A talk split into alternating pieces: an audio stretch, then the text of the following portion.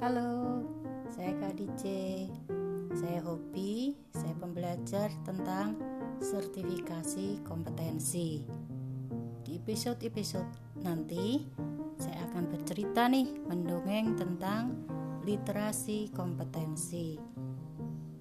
Saya akan membuat ini dalam 10 hari minimal eh, sekali saya akan membuat episode-episode yang menceritakan perjalanan uji kompetensi yang sudah saya ikuti.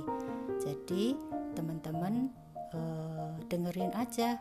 Ini berseri dan kemudian akan bermanfaat karena real saya udah mengalami beberapa kali uji kompetensi dari banyak lembaga sertifikasi. Terima kasih.